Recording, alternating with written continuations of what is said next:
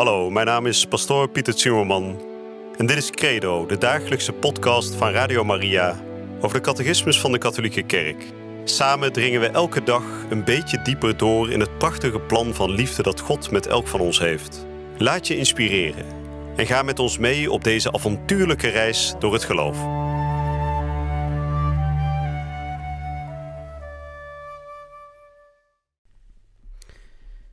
Vrienden, van harte welkom terug bij Credo, de dagelijkse catechese-serie hier bij Radio Maria, waarin we deze dagen aan het spreken zijn over de geheimen, de mysteries van het leven van Jezus.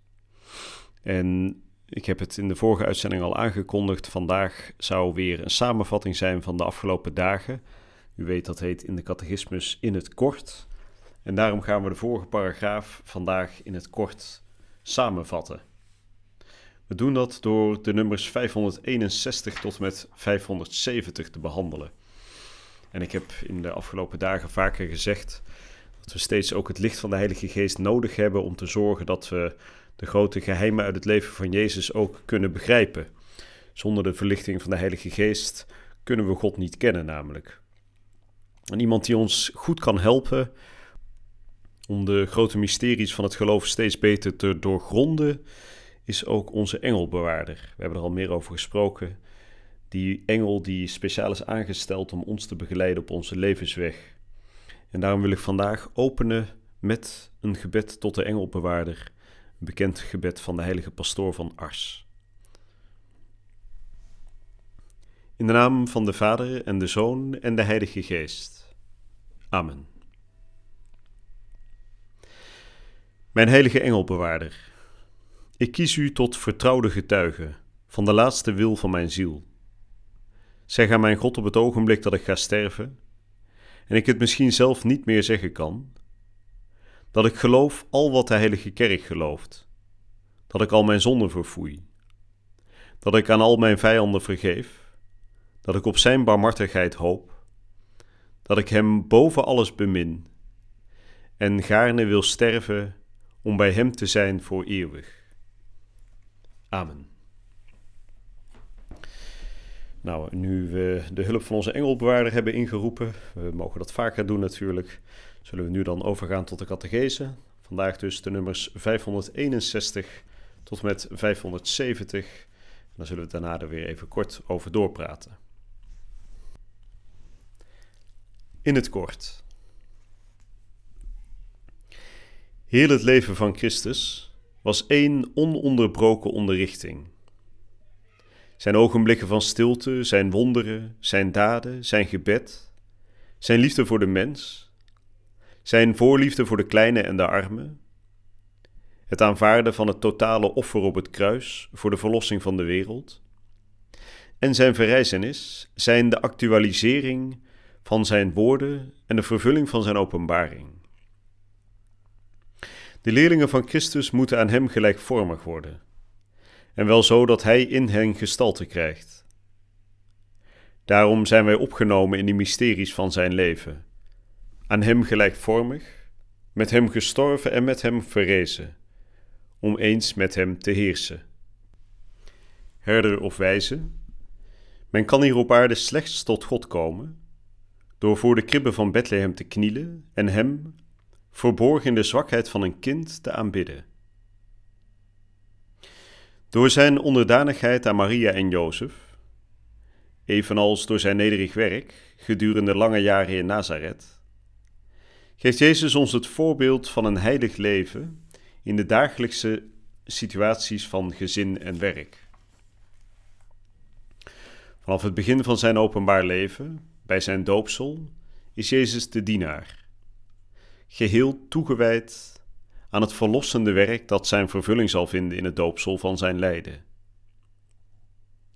De bekoring in de woestijn toont ons Jezus, een nederige Messias, die triomfeert over de Satan door zijn totale instemming met het helsplan, zoals dat door de Vader gewild is. Christus maakt op aarde een begin met het Rijk der Hemelen het wordt voor de mensen zichtbaar in het woord, de werken en de aanwezigheid van Christus. De kerk is de kiem en het begin van dit koninkrijk. De sleutels ervan zijn aan Petrus toevertrouwd. De gedaanteverandering van Christus heeft tot doel het geloof van de apostelen met het oog op het lijden te versterken. Het bestijgen van de hoge berg bereidt het opgaan naar de Calvarieberg, Golgotha, voor. Christus, hoofd van de kerk, openbaart in de sacramenten wat zijn lichaam bevat en uitstraalt: de hoop op een eeuwige heerlijkheid. Jezus is uit vrije wil naar Jeruzalem opgegaan, in het volle besef dat hij er een gewelddadige dood zou sterven, ten gevolge van de tegenstand van de zondaars. De intocht van Jezus in Jeruzalem laat de komst van het koninkrijk zien dat de koning Messias, door de kinderen en de nederigen van hart in zijn stad verwelkomt, tot stand zal brengen door het Pasen van zijn dood en verrijzenis. Nou, dat was het laatste stukje van de nummers voor vandaag. Iets minder lang dan de vorige uitzending. En dat is goed, want dat betekent dat we even wat langer erover door kunnen praten. Nou, we hebben vandaag gehoord een samenvatting van de afgelopen dagen. De paragraaf die gaat over de mysteries in het leven van Christus. En er wordt vandaag geopend met die belangrijke opmerking dat alles in het leven van Christus één grote les is. Dus je kunt in het leven van Christus niet zeggen dat je daar een bepaalde paar lessen uit kunt halen. Nee, alles wat hij doet, wat hij zegt, wat hij laat zien, maar ook alles wat hij heeft nagelaten, is heel bewust en is volmaakt in die zin. Dus er is niks in het leven van Jezus dat niet op de een of andere manier ons als gelovigen onderricht. Er wordt er gezegd, zijn wonderen, zijn daden, zijn gebed, zijn liefde voor de mens, eh, zelfs de momenten van zijn stilte, het is één grote les. En we weten, we hebben daar de afgelopen dagen over gesproken, dat dit grote mysterie natuurlijk begint bij Maria. Op het moment dat Jezus mens wordt in haar schoot. Jezus die altijd al bestond als een van de drie personen bij de goddelijke drie-eenheid, die voor ons op zichtbare wijze aanwezig komt op aarde. En die wordt geboren in Bethlehem. Dat was een vervulling van een van de profetieën uit het Oude Testament. Dat de Messias geboren zou worden in Bethlehem. En inderdaad, dat gebeurt. En dan staat er die prachtige uitspraak in de catechismus, we hebben hem net gehoord. Herder of wijze, men kan hier op aarde slechts tot God komen door voor de kribben van Bethlehem te knielen en hem, verborgen in de zwakheid van een kind, te aanbidden. God heeft het zelf zo gewild dat hij mens werd in Jezus Christus en dat hij in de zwakheid van een kind onder ons kwam. De eindeloos grote, de Almachtige, die zich helemaal van zijn macht ontdoet, om het zo te zeggen, om in de tederheid van een klein pasgeboren babytje onder ons te komen wonen. Dus ook dat is een les. Als we weten dat het hele leven van Christus één grote les is, dan is ook dat een les in diepe nederigheid. Nou, we hebben gehoord dat Jezus Christus door zijn Pasen natuurlijk het koninkrijk laat aanbreken. De tekenen die hij verricht in zijn openbare leven, het genezen van de zieken, het laten lopen van de lammen, het laten zien van de blinden, het doen van de vele wonderen, zoals de wonderbare broodvermenigvuldiging. Het zijn allemaal tekenen dat het koninkrijk van God nabij is. En dat koninkrijk dat wordt definitief gevestigd bij de kruisdood en de verrijzenis. dus dat moment van Pasen is het beslissende moment waarop Christus zijn koninkrijk sticht. waarop hij als het ware zijn vlag in de grond plant. En die vlag is dus het hout van het kruis.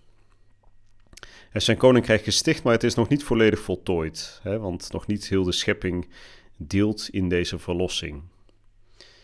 En we zien natuurlijk rijkhalzend uit naar het einde waarin God alles in alles zal zijn. Waar hij de grote scheiding zal aanbrengen tussen de bokken en de schapen, tussen diegenen die Christus trouw bleven en diegenen die van het geloof afvielen en Christus terug toekeerden. We zullen ook daarover nog meer gaan spreken. Voor nu wil ik het hierbij laten. We hebben veel gehoord de afgelopen dagen. Het is goed om dat ook even te laten bezinken. zoals Christus ook in zijn leven momenten van stilte heel bewust liet spreken.